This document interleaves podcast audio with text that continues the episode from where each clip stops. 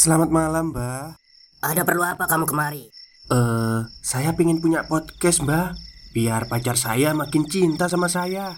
Loh, loh, loh. Mau bikin podcast kok tanya dukun? Sekarang kamu download aplikasi Anchor.fm. Di situ kamu bisa buat podcast gratis dan podcast kamu bisa didistribusikan ke platform mana pun. Dan di aplikasi atau website Anchor.fm juga terdapat fitur-fitur yang memudahkan kamu untuk membuat podcast. Oh, gitu ya, Mbak. Kalau gitu, saya boleh minta password wifi-nya, Mbak. Buat apa? Buat download Anchor.fm, Mbak.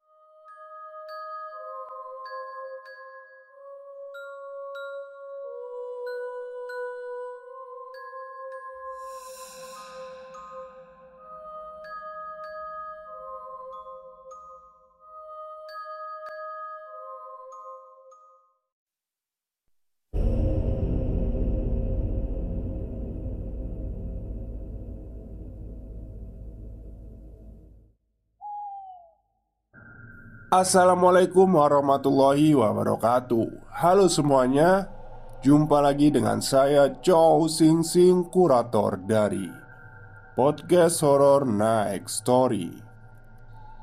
Halo apa kabar semuanya? Semoga kalian semua sehat-sehat ya.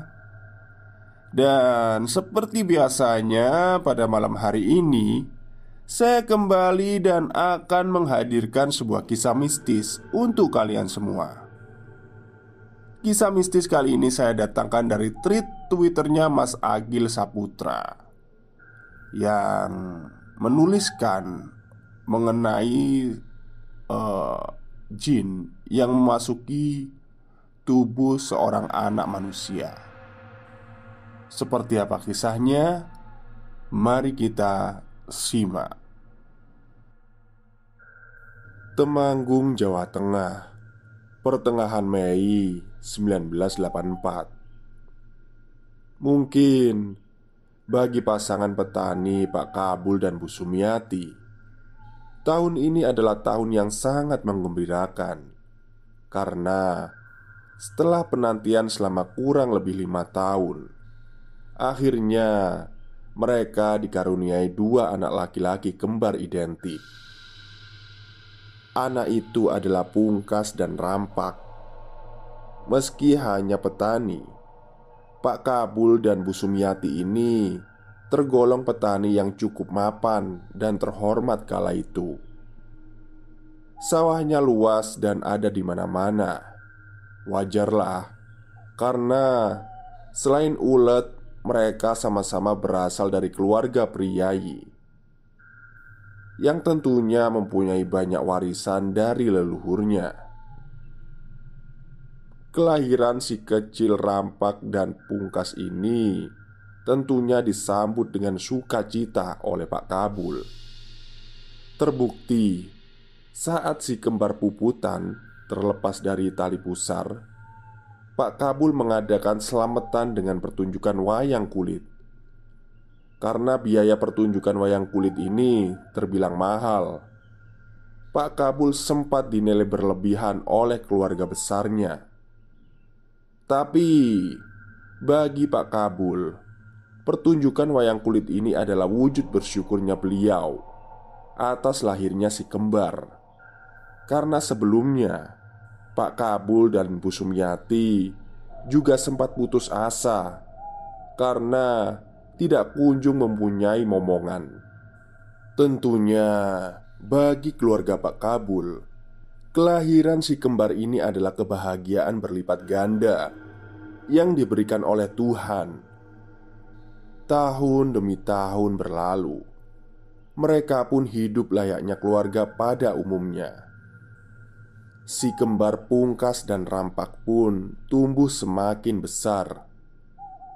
Mereka kini bisa dibilang sangat identik karena dari segi fisik mereka terlalu mirip, sampai kadang-kadang orang sekitarnya sulit membedakan antara mana yang rampak dan mana yang pungkas. Tapi kalau dicermati, Sebenarnya mereka berdua itu tentu ada pembedanya Yang pencolok tentu ada pada sifatnya Si rampak ini cenderung lebih aktif, usil, dan sedikit nakal. Beda halnya dengan Pungkas yang kalem, pendiam, namun logat bicaranya agak cadel. Pungkas dan rampak ini adalah si kembar yang tidak terpisahkan. Di mana ada si Pungkas, pasti di situ ada si rampak. Bahkan ajaibnya, bila salah satu dari mereka sakit, misalnya demam atau masuk angin, pasti satunya juga ikut sakit. Bertahun-tahun berlalu, Pungkas dan Rampak pun bersekolah seperti anak pada umumnya. Mereka berada di kelas dan sekolah yang sama. Semakin bertambah umur, perbedaan mereka semakin mencolok. Pungkas yang pintar di sekolah namun penakut dan sering dibully Dan Rampak yang kurang dalam akademiknya Namun pemberani dan suka berkelahi Pernah di suatu kesempatan Waktu itu kelas 3 atau 4 SD Rampak tampak menghajar kakak kelasnya Setelah si Pungkas mengadu kalau dia baru saja dipalak oleh kakak kelas itu. Perkelahiannya pun cukup brutal untuk ukuran anak SD. Memang si rampak menang, tapi orang tua rampak dan pungkas harus dipanggil ke sekolah karena kakak kelas mereka yang dihajar oleh rampak terluka cukup parah sampai harus mendapatkan jahitan di kepalanya. Meski kasar dan suka berkelahi, Rampak bukanlah pembuat onar. Dia hanya akan bertindak bila ada yang memulai atau ada yang menyentuh saudaranya. Bahkan yang harusnya lebih kuat, justru Rampaklah yang selalu mengalah dengan pungkas. Misalnya soal mainan atau yang lainnya. Sehingga Tidak seperti saudara sedarah pada umumnya. Rampak dan Pungkas tidak pernah sekalipun berantem. Mereka berdua sangat akur. Untuk urusan makan saja Mereka akan saling menunggu. Terutama si Pungkas Yang tidak mau makan Bila saudaranya belum duduk bersama di meja makan Singkat cerita, setelah bertahun berlalu, tepatnya di tahun 1994, saat Rampak dan Pungkas menginjak umur 10 tahun, terjadi satu kejadian yang akan merubah keluarga ini selamanya. Kejadian ini cukup tragis dan sangat mengejutkan. Waktu itu bulan puasa Tepatnya tiga hari sebelum lebaran. Seperti biasanya Anak-anak akan dibelikan baju baru. Waktu itu Bungkas dan Rampak diajak oleh Pak Kabul Pergi ke pasar untuk membeli baju. Ibu Sumiati, istri dari Pak Kabul Sempat tidak setuju Bila Rampak dan Pungkas ikut ke pasar. Karena Hari itu langit terlihat sangat mendung. Tapi Karena si kembar terus merengek Akhirnya mereka pun diperbolehkan untuk ikut ke pasar. Sementara ibunya menunggu di rumah sendiri. Entah kenapa Saat itu Bu Sumiati seakan mempunyai firasat yang tidak enak. Tapi dia tidak tahu apa itu dengan gelisah, dia pun menunggu di rumah. Sementara di pasar, Rampak dan Pungkas tampak riang memilih baju barunya. Setelah mendapatkan baju yang diinginkan, mereka pun pulang. Di separuh perjalanan terjadi hujan yang begitu lebat. Pak Kabul sempat menepi dan memakai jas hujan, tapi saat ingin melanjutkan perjalanan, Pak Kabul sempat urung karena hujannya sangat lebat sekali. Tapi si kembar terus saja merengek minta pulang. Akhirnya Pak Kabul menurutinya Posisinya pungkas di tengah Dan rampak di paling belakang Pak Kabul mengendarai motor dengan agak lambat Karena derasnya hujan kala itu Tapi Kira-kira setengah meter Terjadi hal yang tragis Satu pohon mahoni Tumbang tepat saat mereka melintas Naasnya, bagian dari pohon itu ambruk mengenai bagian belakang motor yang mereka naiki. Motor pun sempat standing dan oleng sampai mereka bertiga terjatuh. Tapi di sini rampak tidak selamat. Karena sebagian dari pohon yang ambruk itu ternyata mengenai kepala bagian belakang dan tengkuk rampak.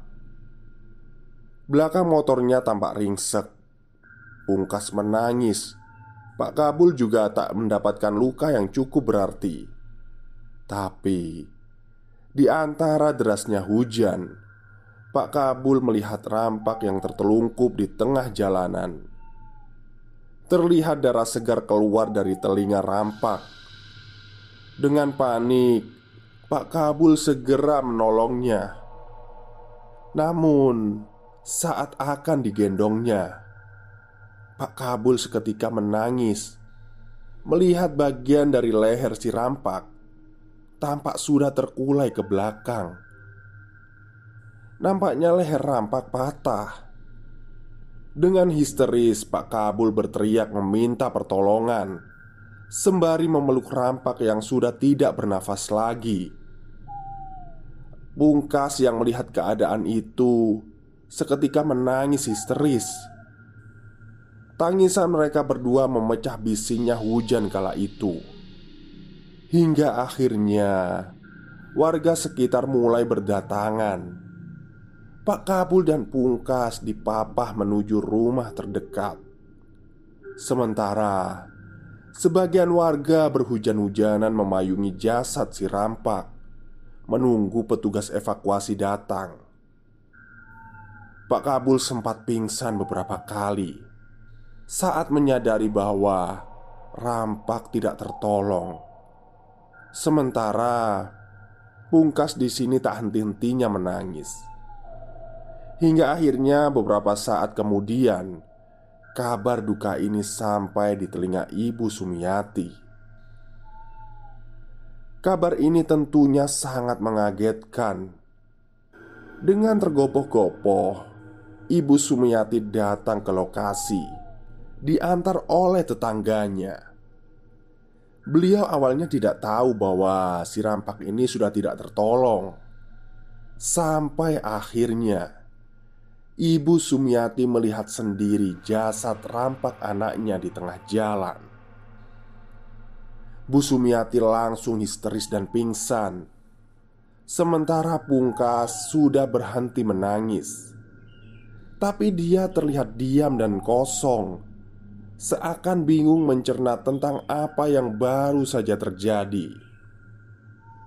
Singkat cerita Akhirnya jasad rampak dibawa pulang dan dimakamkan Tentunya kepergian rampak ini membawa duka yang cukup dalam di keluarga Pak Kabul Terutama untuk pungkas Dari proses disolatkan sampai akan dikuburkan. Pungkas tetap menangis, menangisi saudara sekaligus sahabatnya itu. Tak henti-hentinya, Pungkas ingin memeluk tubuh saudaranya yang sudah dikafani itu. Hmm, kalau kamu mati, terus aku sama siapa? Jangan mati, rampak. Dengan terisak, Pungkas berbicara begitu di depan jasad rampak.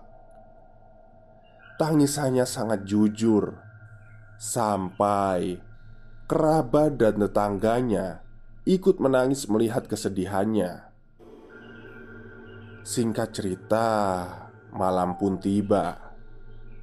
Selepas prosesi tahlilan, terlihat pungkas yang sedang bermain gasing bambu di teras depan rumahnya Tatapannya terlihat sayu memendam kesedihan Mas Kohar Sepupu pungkas sekaligus narasumber dari cerita ini.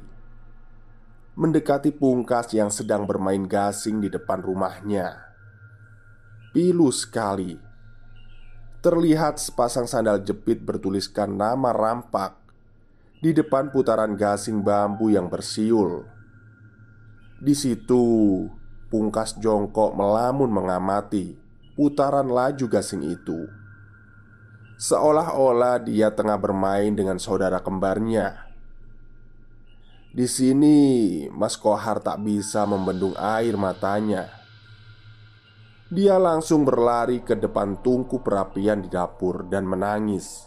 Pak Kabul yang melihat Mas Kobar masuk sambil menangis Sontak ingin tahu apa yang terjadi.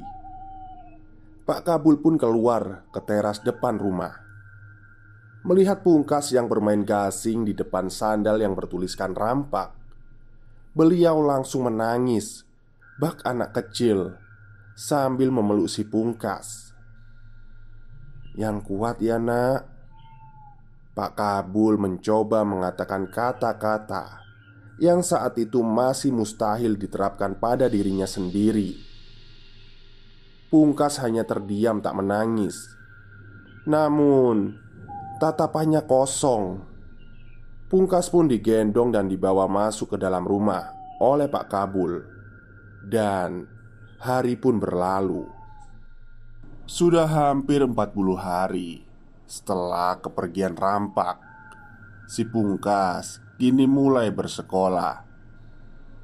Sejak meninggalnya rampak dia kini menjadi anak yang pemurung dan lebih pendiam. Tampaknya dia masih berkabung atas meninggalnya rampak, dan ada satu kejadian yang janggal. Kali ini dialami oleh Ibu Sumiati. Waktu itu sekitar jam 10 pagi. Pungkas sedang bersekolah dan Pak Kabul sedang tak ada di rumah. Bu Sumiati tengah menyapu ruangan di rumahnya. Sesekali dia menghela nafas panjang ketika membereskan barang-barang milik anaknya. Nampaknya Mas berkabung sebelum selesai juga bagi Bu Sumiati. Usai menyapu ruangannya, Bu Sumiati duduk di ruang tamu. Dipandanginya, foto pungkas dan rampak saat balita yang tertempel di tembok dinding itu nampak lucu sekali. Tak terasa, air mata Bu Sumiati menetes, mengingat kembali satu putranya rampak sudah tiada. Sambil memukul-mukul dadanya, Bu Sumiati mencoba menguatkan hatinya. Aku harus kuat Ucap Bu Sumiati dalam hatinya. Akan tetapi Seketika momen itu terpecahkan Oleh suatu suara. Bu Sumiati mencermati suara itu Yang ternyata Berasal dari kamar pungkas dan rampak. Suara siulan gasing bambu Beliau sangat tak asing dengan suara ini karena itu adalah mainan yang disenangi anaknya. Tapi yang jadi pertanyaan, siapa yang memainkan gasing itu? Sedangkan Pungkas masih berada di sekolah. Stop, stop, kita break sebentar. Jadi, gimana? Kalian pengen punya podcast seperti saya? Jangan pakai dukun, pakai anchor, download sekarang juga gratis. Bu Sumiati mulai berpikir yang tidak-tidak. Apakah ini rampak? Bu Sumiati bertanya dalam hati. Dengan sedikit keraguan dan secuil keberanian, Beliau mendekati sumber suara itu Dengan perlahan dia membuka kamar anaknya itu. Suara siul gasing masih terdengar nyaring dan jelas, dan setelah kamar dibuka, benar saja ada gasing yang sedang berputar di lantainya. Bu Sumiati tercengang melihat itu. Seiring pergerakan gasing yang kian melandai dan berhenti, dipungutlah gasing itu oleh Bu Sumiati. Seketika tubuhnya gemetar. Air matanya tak bisa dibendung lagi karena melihat nama rampak tertulis di pinggiran gasing bambu itu. Bu Sumiati menangis bersimpu di lantai kamar anaknya hingga beberapa saat kemudian Pak Kabul datang. Melihat istrinya menangis, Pak Kabul langsung menghampiri dan menanyakan apa yang sedang terjadi. Bu Sumiati pun menceritakan semuanya. Pak Kabul sebenarnya di sini agak ragu dengan cerita istrinya, tapi dia mencoba bijak dan menenangkannya. "Sudah, Bu, yang sabar. Kita harus ikhlas.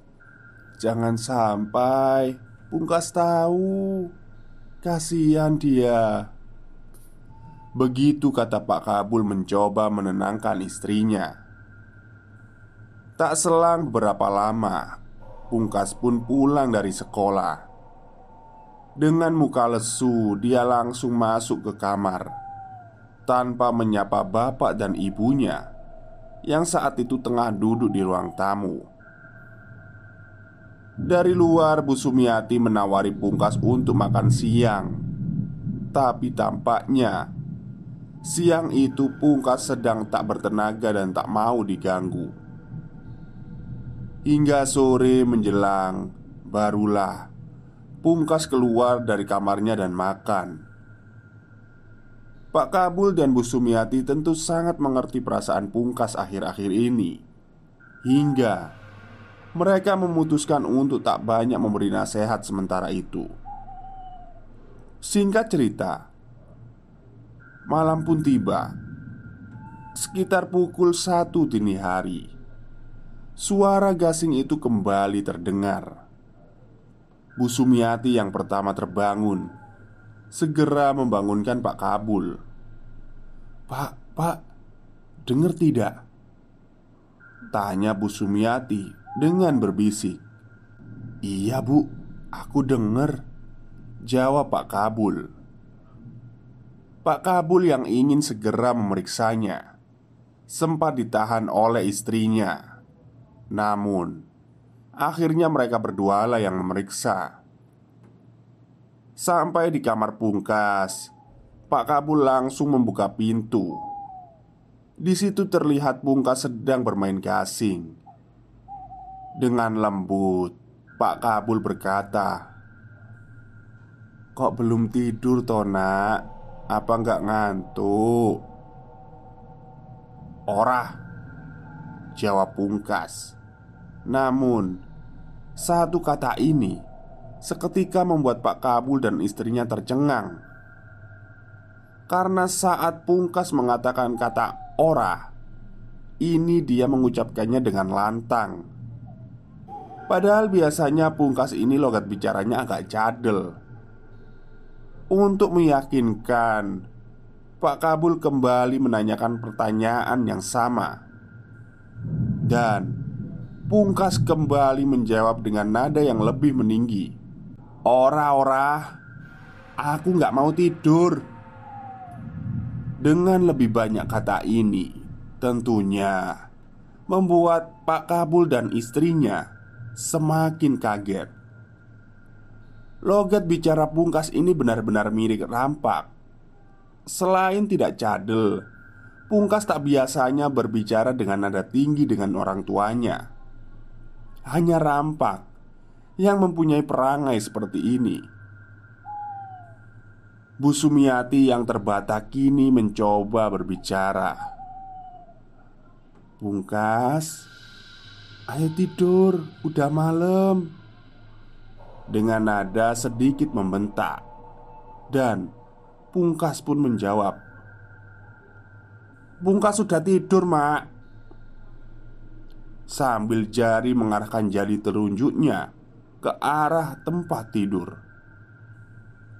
Iki rampak, Mak. Sembari menoleh ke arah Pak Kabul dan Bu Sumiati Terlihatlah kantong matanya yang menghitam Dan terucap kata lagi Iki rampak, Mak Kemudian Tubuh pungkas terkulai lemas di lantai Dengan menahan air mata Pak Kabul menggendong tubuh pungkas ke tempat tidurnya. Perasaannya masih bingung Apakah yang tadi itu benar-benar rampak? Hingga esoknya pun tiba. Entah kenapa setelah kejadian semalam Pungkas kini berubah menjadi lebih ceria. Sangat janggal menurut Bu Sumiati karena karakter Pungkas adalah anak yang santai, kalem, dan datar. Tapi pagi itu, Pungkas tampak sangat bersemangat. Tak biasanya dia bernyanyi di kamar mandi. Pak Kabul dan Bu Sumiati yang teringat kejadian semalam langsung mencoba memastikan dengan bertanya pada si Pungkas. Mereka menghela nafas lega setelah mendengar logat bicaranya Pungkas yang masih cadel. Pungkas pun berangkat sekolah. Di sini Pak Kabul dan istrinya sempat bertukar pandang ketika melihat si Pungkas memakai sepatu tas milik rampak. Tapi mereka mencoba untuk mewajarkannya. Terserah apa maunya Pungkas, kata mereka berdua. Setelah Pungkas berangkat ke sekolah Pak Kabul dan istrinya duduk bersama Bu Sumiati yang pertama membuka pembicaraan tentang kejadian semalam. Apa yang semalam itu benar-benar rampak ya mas? Tanya Bu Sumiati dengan kalem. Pak Kabul sejenak terdiam Seakan tak bisa membantah lagi. Pak Kabul pun berbicara panjang lebar Yang kira-kira begini intinya Mungkin hanya kita bu Yang bisa membedakan antara pungkas dan rampak. Hanya dengan melihat sorotan matanya atau gerak langkahnya. Yang jelas semalam bu Aku melihat Rampak ada di dalam tubuh pungkas. Sulit dijelaskan memang tapi aku berani bersumpah. Semalam Ada rampak di tatapan mata pungkas Begitu kira-kira perkataan Pak Kabul. Bu Sumiati juga mengiyakan perkataan itu Dengan mata yang berkaca-kaca. Dengan canggung Mereka pun menyudahi pembicaraan itu Dan kembali ke aktivitas masing-masing. Sampai akhirnya Sekitar jam 11 siang Pungkas pulang. Tapi kali ini dia tidak sendiri Dia diantar oleh ibu gurunya Dengan baju yang kotor dan penuh tanah. Setelah melihat ibunya Pungkas langsung menangis dan berlari memeluk ibunya Sembari meminta maaf. Maaf bu Tapi aku nggak salah. Anak itu ngejek terus Dan berkata rampak mati, rampak mati Aku yang gak terima toh bu. Kata ibu guru pungkas Dia berkelahi di sekolah Karena dibully oleh kakak kelasnya. Dengan kejadian ini Ibu guru tidak menyalahkan pungkas. Dia justru membela karena dia sangat hafal dengan sifat pungkas. Pasti ada hal yang keterlaluan Hingga membuat Pungkas menjadi semarah ini Dan setelah mendengar pengakuan dari Pungkas tadi Nampaknya tebakan ibu guru benar. Pantas saja Pungkas marah. Itu adalah kata-kata yang tidak beradab. Singkat cerita Malam pun tiba. Pungkas tiba-tiba demam. Terlihat sedang berada di kamarnya bersama ibunya. Dia menggigil kedinginan. Dalam demamnya, Pungkas juga sempat beberapa kali mengigau, memanggil-manggil nama si rampak. Tidurnya tampak tidak tenang, sampai akhirnya sekitar pukul setengah dua belas malam. Demamnya mulai menurun dan tidurnya mulai nyenyak. Ibunya pun kembali ke kamarnya dan tidur bersama Pak Kabul suaminya. Sampai esok pun tiba. Bu Sumiati dikagetkan oleh jejak-jejak kaki bercampur tanah basah Yang mengotori lantainya dari teras sampai ruang tengah. Aduh Jejak kaki siapa ini? Jangan-jangan maling. Gumam Bu Sumiati. Dia pun segera memberitahukan hal itu kepada suaminya Pak Kabul yang mengecek jejak kaki agak keheranan. Iki koyo e bukan malim bu. Karena melihat ukurannya kecil Seperti bukan ukuran kaki dewasa. Sejenak Mereka terdiam Dan saling bertukar pandang. Sepertinya Pak Kabul dan Bu Sumiati memikirkan hal yang sama mereka pun bergegas ke kamar pungkas dan tahu apa yang mereka lihat. Waktu itu hari masih subuh. Di situ terlihat pungkas yang tertidur, namun sambil memeluk sebuah bambu. Kakinya terlihat kotor dipenuhi dengan tanah basah. Setelah dilihat lebih dekat lagi, Sepertinya bambu yang dia peluk adalah bambu yang tertancap di makam baru.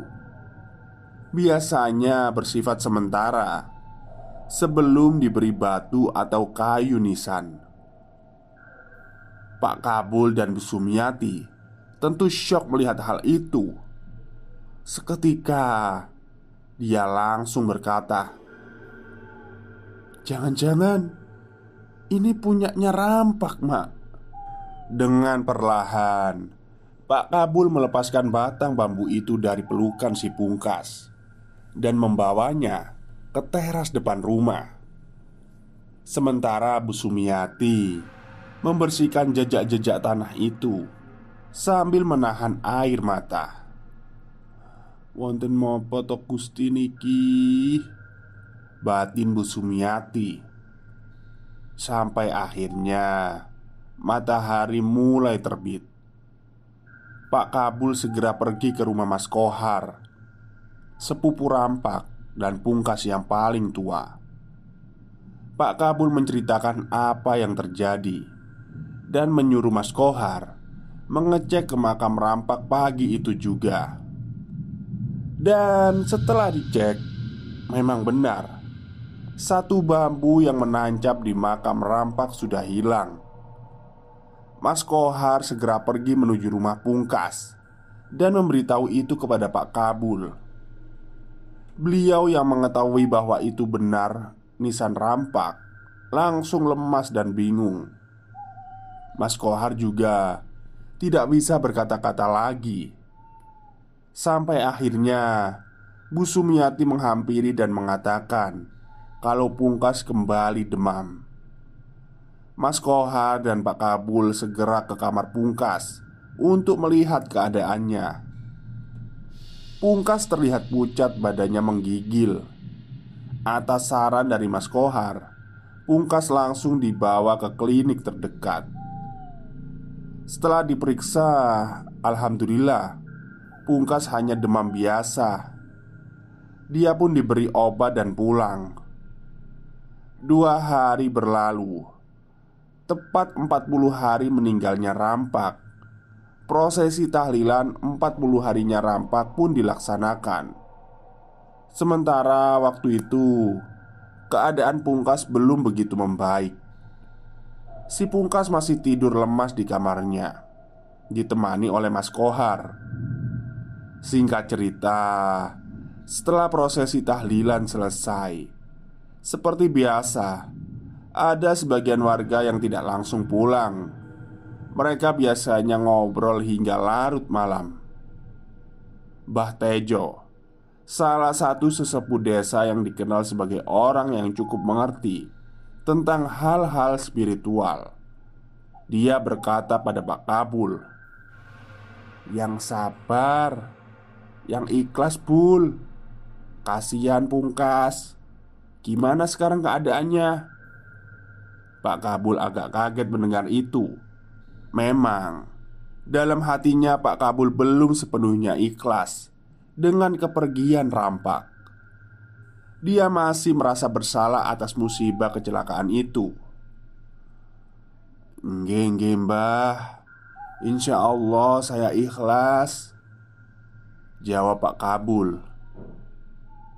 Kabar soal batu bambu nisan itu belum menyebar dan masih ditutupi oleh Pak Kabul, istrinya dan Mas Kohar. Tapi di sini Pak Kabul sudah tak tahan lagi dan mengajak Mbah Tejo masuk ke kamar pungkas untuk menceritakan apa yang terjadi akhir-akhir ini. Di depan pungkas yang sedang terbaring sakit, Pak Kabul bercerita kepada Mbah Tejo tentang apa yang terjadi akhir-akhir ini. Terjadi pembicaraan yang cukup panjang waktu itu, sampai akhirnya Mbah Tejo berkata, "Wes, sekarang gak usah dipikir dulu. Yang penting, Pungkas sudah sembuh." Mbah Tejo pun meminta Pak Kabul untuk memanggil istrinya untuk meminta puputan tali pusar milik Pungkas. Informasi saja, sebagian para orang tua Jawa akan menyimpan tali pusar milik anaknya yang sudah terlepas. Tali pusar itu akan dijemur sampai kering sebelum nantinya disimpan. Tali pusar ini biasanya digunakan sebagai suwu atau penenang saat si bocah rewel. Bergegas Pak Kabul memanggil istrinya dan menanyakan Apa yang diminta oleh Mbak Tejo tadi? Bu Sumiati sempat lupa di mana dia menyimpannya Karena memang seumur-umur Rampak dan Pungkas tidak pernah menggunakan tali puputan itu untuk suwu Sampai akhirnya Benda itu berhasil ditemukan. Tapi ada masalah baru di sini. Tali pusar itu ada dua dan berada dalam satu wadah. Bu Sumiati ataupun Pak Kabul tentu saja tidak bisa membedakan mana milik pungkas dan mana milik rampak. Akhirnya, Mbak Tejo pun menyatukan tali pusar itu di dalam gelas dan menyiramnya dengan air panas, serta sedikit membacakan doa-doa. "Udah, ini nanti diminumkan ke pungkas," kata Mbah Tejo. Tak selang beberapa lama, Mbah Tejo pun pamit. Malam sudah mulai larut. Satu persatu warga sudah beranjak pergi. Suasana rumah kembali sepi. Tinggal Bu Sumiati, Pak Kabul, dan Mas Kohar yang masih di situ. Dan beberapa saat kemudian terdengar suara Pungkas dari kamar memanggil ibunya. Nampaknya Pungkas ingin buang air kecil. Dengan payah, Pungkas dipapah oleh Mas Kobar menuju kamar mandi. Di sini Mas Kohar bisa merasakan badan Pungkas yang panas kembali setelah dari kamar mandi, Bu Sumiati teringat pesan dari Mbah Tejo tadi. Segeralah, dia diminumkan air tali pusar itu ke pungkas.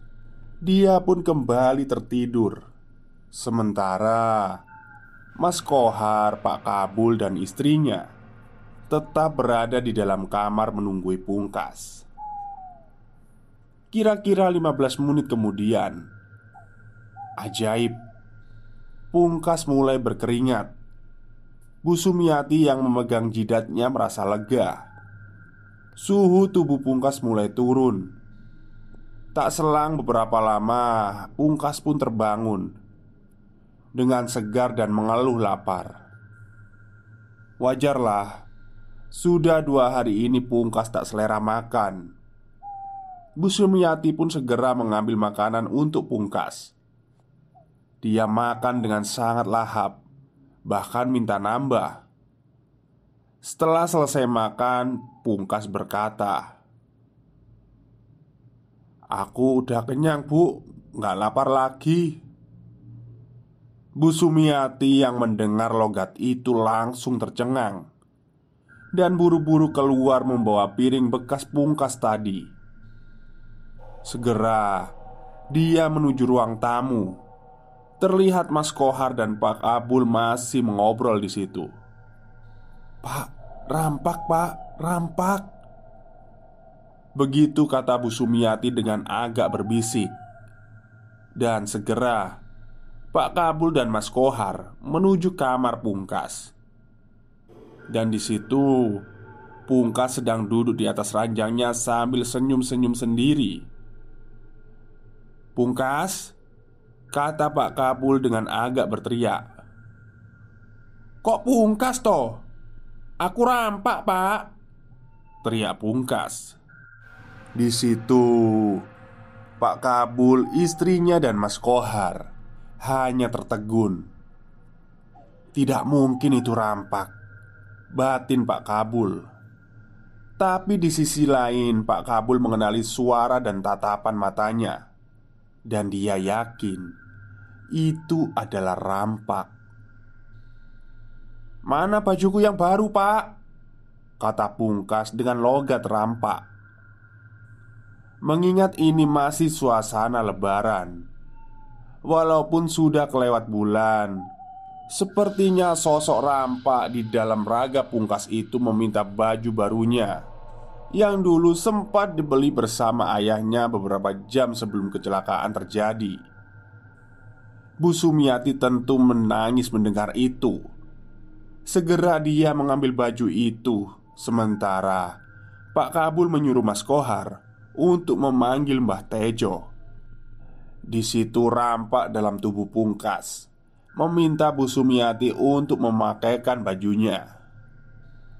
Dengan agak gemetar dan menangis Beliau memakaikan baju itu. Setelah dipakai Dia berdiri Perlahan dan turun dari ranjang dia berjalan menuju cermin kaca yang ada di dekatnya. Layaknya orang bercermin, dia memiring-miringkan badannya. Wah, pantas sekali nih. Bu Sumiati dan Pak Kabul yang berdiri di sampingnya sudah tidak bisa berkata-kata lagi, dan sosok rampak dalam tubuh pungkas itu pun tiba-tiba tertawa terbahak-bahak.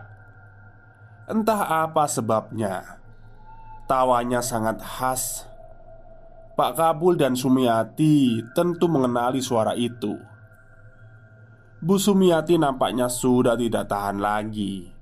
Dia pun berkata Rampak. Sembari mendekat dan memeluknya Bu Sumiati terus menangis sementara di sini sosok pungkas kembali terdiam menatap ayahnya yang masih berdiri di dekatnya lewat pantulan kaca cermin. Pak Kabul yang tak sengaja beradu mata melihat kantong mata pungkas yang perlahan mulai semakin menghitam. Di pantulan cermin itu, pungkas tersenyum menyeringai. Firasat Pak Kabul sudah tak enak. Segera dia tarik istrinya dari pelukan pungkas dan setelah terlepas, Pungkas kembali berkata, "Aku rampak, Pak, rampak." Dan tubuh Pungkas pun terkulai lemas di lantai. Segera Pak Kabul memindahkannya ke tempat tidur Dan tak selang beberapa lama Mbah Tejo dan Mas Kohar datang Mbah Tejo mulai menerawang apa yang sebenarnya terjadi Menurut pendapat Mbah Tejo Yang merasuki tubuh pungkas itu bukan rampak tapi jin yang menyerupai atau berpura-pura menjadi rampak. Dan kenapa ini bisa terjadi? Nah, menurutnya, kesedihan pungkas yang terlalu dalam itulah yang membuat jin sangat tertarik untuk menjadi sosok rampak. Baru kali ini Mbah Tejo menemukan kasus seperti ini. Akhirnya Mbah Tejo pun memberikan solusi agar pungkas diru'yah Tiga hari lagi Malam pun berlalu dengan tenang Esok hari Pungkas bangun dengan keadaan yang segar bugar Namun Terlihat seperti orang yang linglung Bu Sumiati yang khawatir Mulai mengajaknya berbicara Tapi ada yang aneh di sini Logat bicaranya berubah-ubah Ya, Logatnya berubah, kadang meninggi seperti rampak, kadang kalem seperti pungkas. Pungkas pun terlihat kebingungan setelah mengucapkan logat rampak. Sepertinya dia tidak sadar saat bicara dengan logat rampak. Pak Kabul dan Bu Sumiati tentu sedih melihatnya. Dengan keadaannya yang seperti itu, tentu saja Pungkas menjadi sulit untuk diajak komunikasi. Jawabannya kadang tidak nyambung ketika tiba-tiba logat rampak muncul. Tiga hari berlalu dengan keadaan pungkas yang seperti itu, dan tibalah waktunya untuk pungkas dirukyah oleh Matejo dan dua temannya. Prosesi ru'yah pun dilaksanakan dengan cukup sulit. Pasalnya sebelum diru'yah Tubuh pungkas tak sepenuhnya sadar karena Masih didominasi oleh jin yang kata Mbah Tejo Berpura-pura menjadi rampak Seperti ru'yah pada umumnya Akan terjadi teriakan-teriakan Dan adu argumen dengan jin penghuni tubuh. Ru'yah ini disaksikan oleh Pak Kabul, Bu Sumiati, dan Mas Kohar. Hati mereka benar-benar yakin dan terkecoh Saat mendengar suara logat khas rampak yang keluar dari mulut pungkas. Di sini Bu Sumiati hanya bisa menangis. Eh, aku nggak mau pergi, Mak. Begitu suara rampak yang keluar dari mulut Pungkas. Ini benar-benar rampak ya Batin Bu Sumiati. Sempat terjadi insiden saat Bah Tejo lengah Rampak yang diduga adalah jin itu Menyerang salah satu kawan Bah Tejo Memegang lehernya dan mendorongnya. Hingga Teman Bah Tejo jatuh tersungkur beberapa meter. Hingga akhirnya Rukiah pun selesai. Saat pungkas Memutahkan cairan kuning dari mulutnya. Pungkas terlihat lemas dan hampir pingsan Digendonglah dia oleh Mas Kohar ke kamarnya Aduh Insya Allah ini sudah selesai Kata Mbah Tejo Selang beberapa lama Mbah Tejo pun pamit untuk pulang. Waktu itu sudah hampir maghrib. Pungkas terlihat kini tertidur. Selepas maghrib, Mas Kohar, Pak Kabul, dan Bu Sumiati kembali duduk dan mengobrol di ruang tamu. Bu Sumiati masih nampak gelisah mengingat Pungkas yang belum juga bangun. Dalam hatinya masih ada keraguan.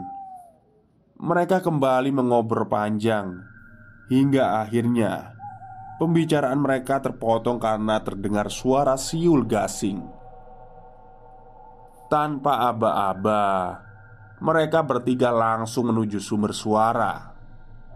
Bukan dari kamar, namun dari ruang tengah, dan betapa kagetnya mereka melihat Pungkas sedang bermain gasing di situ.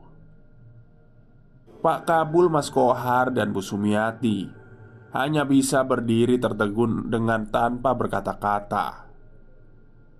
Pungkas pun menoleh dan menatap mereka satu persatu. Meraih gasingnya yang masih berputar Kemudian berdiri dan berjalan Menuju kamarnya tanpa mengatakan apa-apa. Tapi di sini mereka kaget melihat cara jalannya Yang agak membusungkan dada Mirip dengan cara rampak berjalan mereka saling bertanya untuk meyakinkan lagi apa yang tadi dilihatnya, dan memang benar. Mereka semua berpikir hal yang sama, sampai akhirnya Pak Kabul memberanikan diri untuk menyusul Pungkas di kamarnya. Namun, di situ Pungkas terlihat sudah tertidur dengan gasing yang bertuliskan rampak di genggaman tangannya. Singkat cerita, malam pun tiba. Mas Kohar sudah pulang, sementara Pungkas masih tertidur. Pak Kabul dan istrinya juga hendak menuju kamarnya untuk beristirahat. Namun, pastilah mereka berdua tidak bisa tidur. Walau hari ini cukup melelahkan pikiran, mereka gelisah menerka-nerka apa yang sedang terjadi. Pak Kabul dan Bu Sumiati mengobrol panjang hingga kira-kira pukul 12 malam. Terdengar suara pungkas yang memanggil ibunya. "Mak, makan, Mak, makan." Perlu diketahui, kebiasaan makan yang seperti ini adalah kebiasaan rampak sewaktu dulu masih hidup.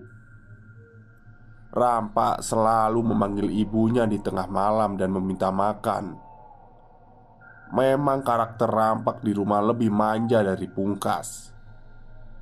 Ibu Sumiati yang tahu itu kebiasaan Rampak kini tak mempedulikannya lagi. Dia beranjak dari ranjang tanpa mengajak Pak Kabul dan mengambilkan makan untuk Pungkas. Dia memberikan makan itu kepada Pungkas dan menunggunya di kamar. Bu Sumiati hanya diam, mengamati Pungkas makan. Di sini, karakter rampak semakin terlihat. Ketika Pungkas mengelap tangannya yang terkena minyak sayur di spray tempat tidurnya, Bu Sumiati yang melihat itu hanya diam saja. Pungkas juga terlihat diam saja saat makan. Tak seperti biasanya, dia selalu sedikit mengkritik dan memuji masakan ibunya. Setelah makan, Pungkas memberikan piringnya kepada ibu dan meminta minum. "Air putih, Mak." Dan di sini kembali lagi suara rampak muncul. Agak sedikit cempreng Beda dengan suara pungkas. Suaranya agak lebih berat dan dalam. Dan lagi-lagi Bu Sumiati mencoba tidak mempedulikan itu. Dia pun kembali ke dapur untuk mengambil air Dan memberikannya kepada Pungkas. Setelah itu Pungkas kembali tidur. Bu Sumiati berjalan kembali menuju kamarnya Langkahnya terhenti ketika mendengar suara dari speaker masjid. Dia berhenti dan mendengarkan suara itu, yang nampaknya berita kematian, dan wajahnya nampak kaget ketika nama orang yang meninggal itu disebutkan. Bapak Imam Sutejo. Dia mencoba mendengarkan ulangan berita itu yang biasanya memang diulang tiga kali. Dan benar, memang yang disebutkan adalah Imam Sutejo alias Mbah Tejo. Bu Sumiati bergegas menghampiri suaminya yang ternyata juga sedang syok waktu mendengar warta kematian itu. Singkat cerita, esok harinya para warga termasuk Pak Kabul berbondong-bondong melayat ke tempat Mbah Tejo. Meninggalnya Mbah Tejo cukup mengagetkan desa. Pasalnya, Mbah Tejo ini terlihat bugar dan tidak pernah sakit di usianya yang baru 60-an. Menurut kesaksian istrinya, beliau meninggal dalam keadaan duduk bersama istrinya. Tiba-tiba saja dia menghela nafas panjang dan kemudian tersungkur di lantai. Apakah ini ada hubungannya dengan kasus rampak? Itu juga tidak bisa dipastikan. Singkat cerita, hari pun berlalu. Nampaknya rukyah tempo hari itu tidak berhasil. Nyatanya Pungkas masih tetap begitu. Karakter rampak masih terus muncul dan semakin mendominasi. Pungkas menjadi sulit untuk berkomunikasi. Pak Kabul dan Bu Sumiati sempat pasrah dan akhirnya membuka ini semua ke keluarga besarnya. Salah satu kerabatnya menyarankan untuk membawanya ke jalur medis. Memang itu sedikit bekerja saat diberi obat. Karakter rampak mulai jarang muncul, tapi efeknya Pungkas menjadi seorang yang linglung dan lebih banyak tidur, dan tetap saja setiap malam karakter rampak selalu muncul, teriak untuk meminta makan. Sudah berbagai jalan ditempuh oleh Pak Kabul dan Bu Sumiati. Dari dukun, kiai, bahkan ustadz. Sampai medis pun tidak ada perubahan yang signifikan Sampai akhirnya bertahun berlalu. Pungkas kini semakin kurus. Tidak mau beranjak dari kamarnya. Sementara itu karakter rampak Semakin mendominasi. Bila muncul dia akan berteriak-teriak tidak jelas. Yang jelas logatnya adalah rampak.